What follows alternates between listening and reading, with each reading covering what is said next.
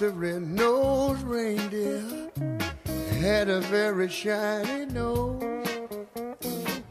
And if you ever saw it, you would even think it glows.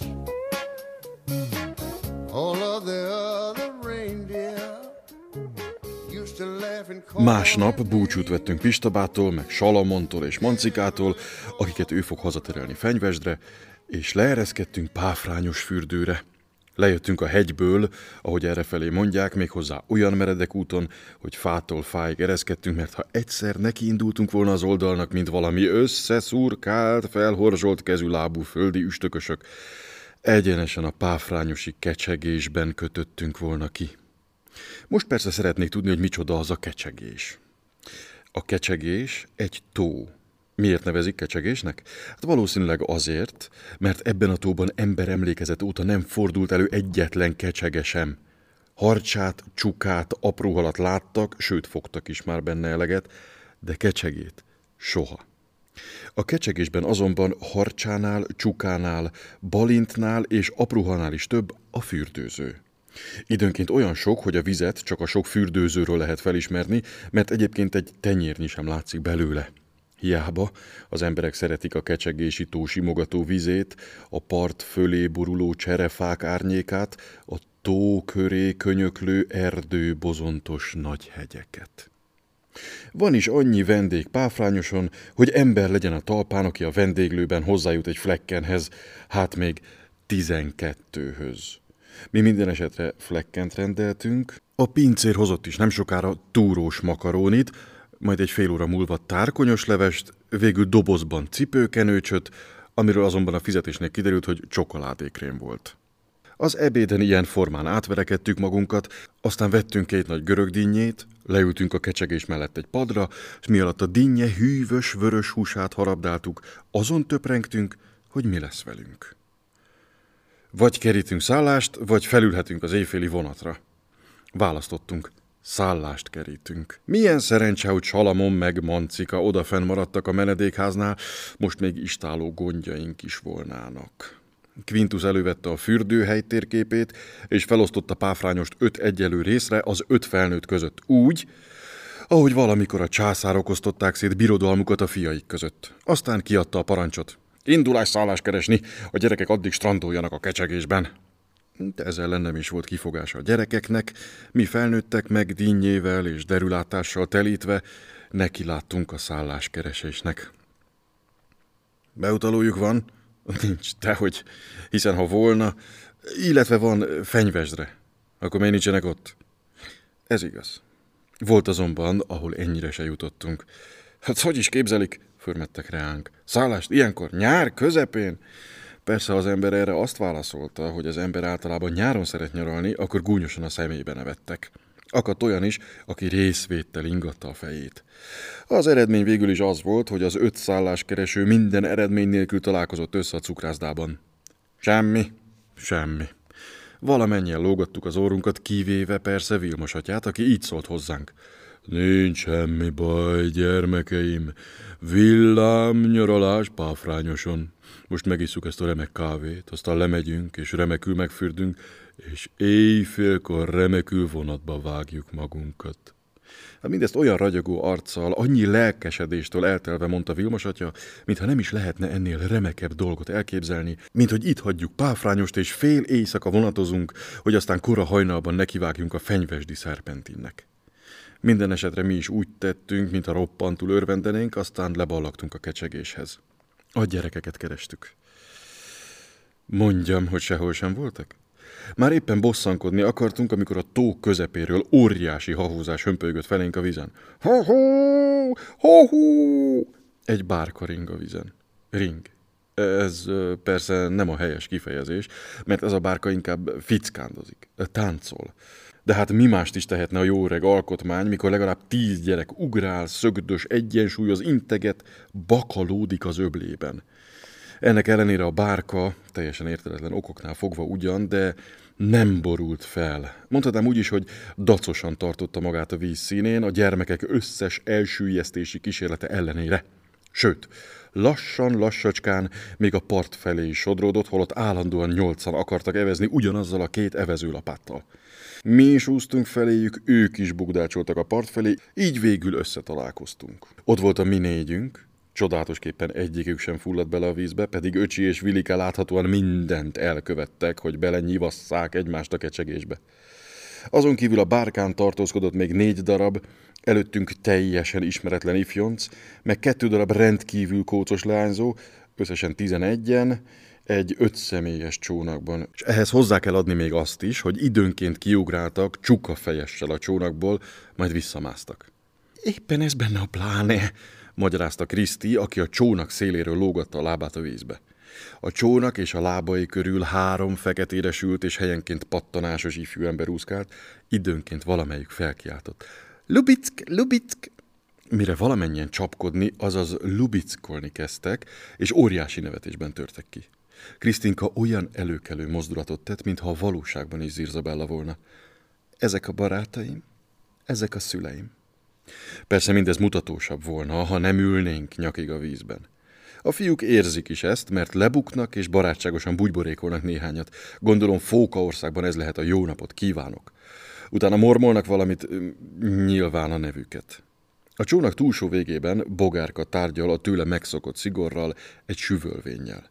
Ők már ránk se hederítenek, folytatják tárgyalásukat, ami érthető is, hiszen Brigitte Bardot, a filmszínésznő pályafutását beszélik meg. Hát igazán nem lehet azt várni tőlük, hogy ilyenkor velünk is törődjenek.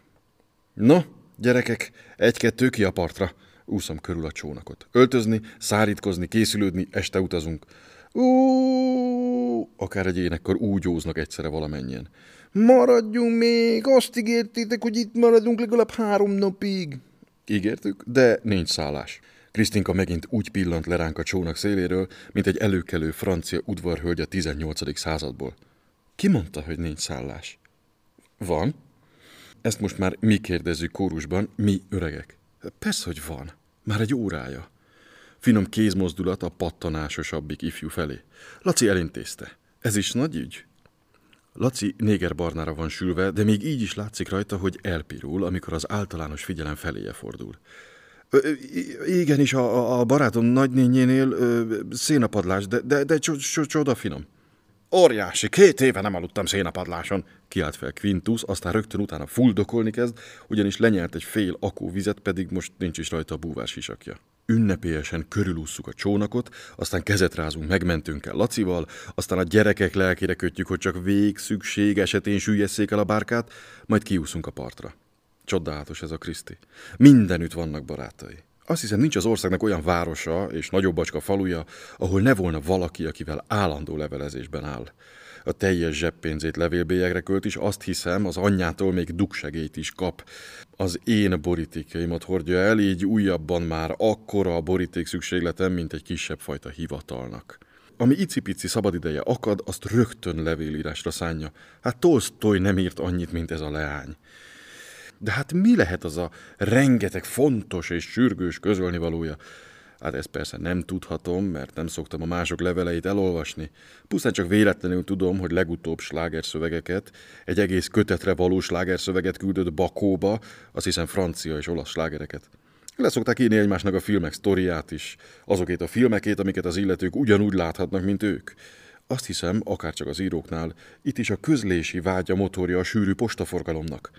Szerepelnek ezen kívül a levelekben mindenféle titokzatos kezdőbetűk is, ilyesmik. B. a múltkor ránézett a hídnál F-re, és látni lehetett a tekintetében, hogy mit gondol. Te mit gondolsz? Mit gondolt? Z azt mondta, hogy F tulajdonképpen meg sem érdemli, hogy B, hát és így tovább a végtelenségig. Ők tudják, mi ebben az izgalmas. Valaminek biztosan kell lennie, amit mi, a túlságosan benőtt fejünk lágyával már nem is foghatunk fel. Egy valami minden esetre bizonyos. Ennek a véget nem érő bonyolult levelezésnek köszönhetjük a szállást. Mint utólag kiderült, Kriszti barátnője írt egy barátnőjének, akiről tudta, hogy páfrányosan fog nyaralni, és közölte vele, hogy ide érkezik majd a legjobb barátnője, bizonyos Kriszti nevű lány, Egyébként Krisztinek legalább 20 legjobb barátnője van. És Kriszti a strandon találkozott a barátnője barátnőjével. De az Isten szerelmére, hát miről ismertétek meg egymást ezer fürdőruhás idegen között? Szánakozva rám nézett az értetlenségem miatt, aztán így válaszolt. Ennél nincs egyszerűbb. Bemondtuk a hangszóróba, és a lány két perc múlva jelentkezett. A többi már simán ment. A barátnő barátnőinek a barátai azonnal összefutottak, és ott helyben elintézték a szénapadlást. Az a bizonyos Laci elugrott a barátjához, az beszélt a nagynénivel, és öt perc múlva már a csónakban ültek egy viharvert táskarádió társaságában, és kezdődhetett a szórakozás. Mindez Krisztiék számára magától értetődik. Ha arra gondolok, hogy a mi ifjúkorunkban mennyi időt vesztegettünk el addig, amíg idétlenül dadogva, zavart vigyorgással valahogyan szót értettünk egymással, mi lányok és fiúk, vagy legalábbis azt képzeltük, hogy megértjük egymást, nos, akkor valóban csak irigykedhetem a mai fiatalokat. Fél szavakat vetnek oda egymásnak, a fogaik közt kacagnak, közben cinkosan összenéznek, felrántják figyelmeztetően a szemöldöküket. Az ilyen percekben mi öregek tényleg rémesen öregnek érezzük magunkat, állunk előttük zavartan, mert egyetlen szót sem értünk abból a bizalmas beszélgetésből, amelyet a mi nyelvünk szavaival mégis teljesen ismeretlen nyelven folytatnak. Legutóbb például saját családunk gyermekei ejtettek kétségbe minnyájunkat, már úgy értem a felnőtteket, azzal, hogy kitört rajtuk a rövidítési mánia. Hát nem akarok senkit sem megrágalmazni, de az egész borókától indult. Ő először is kijelentette, hogy ezentúl nem bogárka, hanem bogi. Jó, legyen bogi. De bogárka akkurátus leányzó szereti megindokolni a tetteit. A modern ember nem sokat körülményeskedik, röviden fejezi ki magát, csak a lényeget, távirat stílus. Így a 13 éves bogi. Ezzel kezdődött. Gyermekeink abszolút modern emberek lévén ezentúl kizárólag rövidítésben beszéltek. Megszólal öcsi. San, papk, kr. Tessék? San pap kr. Anyu segélykérően fordul hozzám, és én a modern emberekhez fordulok, a modernek egyike Kriszti elhúzza a száját. Ah, mit lehet ezen nem érteni? Szalonnát, paprikát és kenyeret kér az ártatlan. Megkapja. Mire? Köszi. Na végre ezt értjük. De körülbelül ez volt az utolsó, amit megértettünk, illetve aztán lassan, lassacskán kezdtünk mi is beletanulni. Például eh, rákezdték, hogy é, é, akkor már tudtuk, hogy ez azt jelenti, hogy éhesek. A legkülönösebb azonban az volt, hogy mi alatt mi ide-oda kapkodtuk a fejünket, és találgattunk, mint valami rejtvényfejtők, az alatt a gyerekeink tökéletesen és habozás nélkül megértették egymást. Kigmrcskr, mire hahotában törnek ki. Ezek már rövidített vicceket mesélnek egymásnak. Most is ilyen társalgás kezdődött a borzalmas és pattanásos társasággal a kecsegési tó strandján lévő cukrászdában, ahol a várható szállás reményében nagyméretű fagylalt bankettet rendeztünk az ifjúságnak. A harmadik adag fagylalt után megenyhültek, és időnként már felénk is vetettek egy-két szót, már úgy értem olyan szót, amit megérthettünk. Udvariasak voltak szó se róla, de azért mégis volt valami a viselkedésükben, ami ezt fejezte ki, Hogyan ti elmaradt tócskaságok, mit is értetek ebből a mai világból? Csak mondaná ki végre egyszer valamelyik becsületemre, tudnám, hogy mit válaszoljak neki. Körülbelül ezt. Hé, fiatalember, azért ne feled mindazt, amire olyan rémesen büszke vagy, a televíziótól a rakétáig és a nájlonig. Azt nem ti találtátok fel, hanem igenis mi, mi öregek, a mi nemzedékünk. Ti majd büszkékedjetek a magatokéval. Így felelnék ezeknek a mai gyerekeknek, persze, ha közben eszembe nem jutna, hogy a ti, meg a mi eh, tulajdonképpen összetartozik, és amikor még mi voltunk ti, akkor mi néztünk ugyanilyen fölénnyel az akkori tire. Na, bocsánat, abba hagyom, kezdek belezavarodni. You know